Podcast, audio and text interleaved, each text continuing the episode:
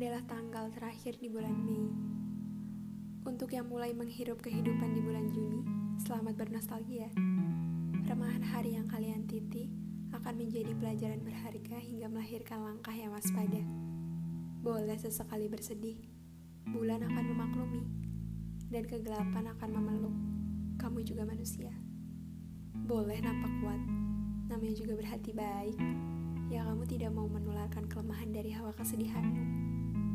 Kamu boleh menjadi kuat demi orang lain. Kamu boleh tertawa untuk orang lain.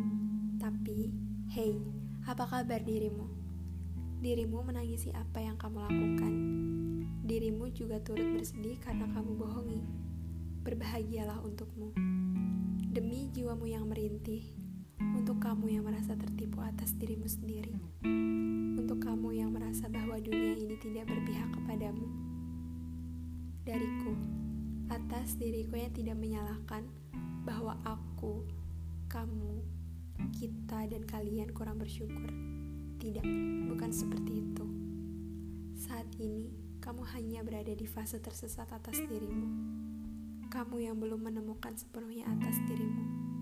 Kamu bukan hilang, tapi kamu hanya tersesat atas dirimu akan menemukan dirimu pada waktunya.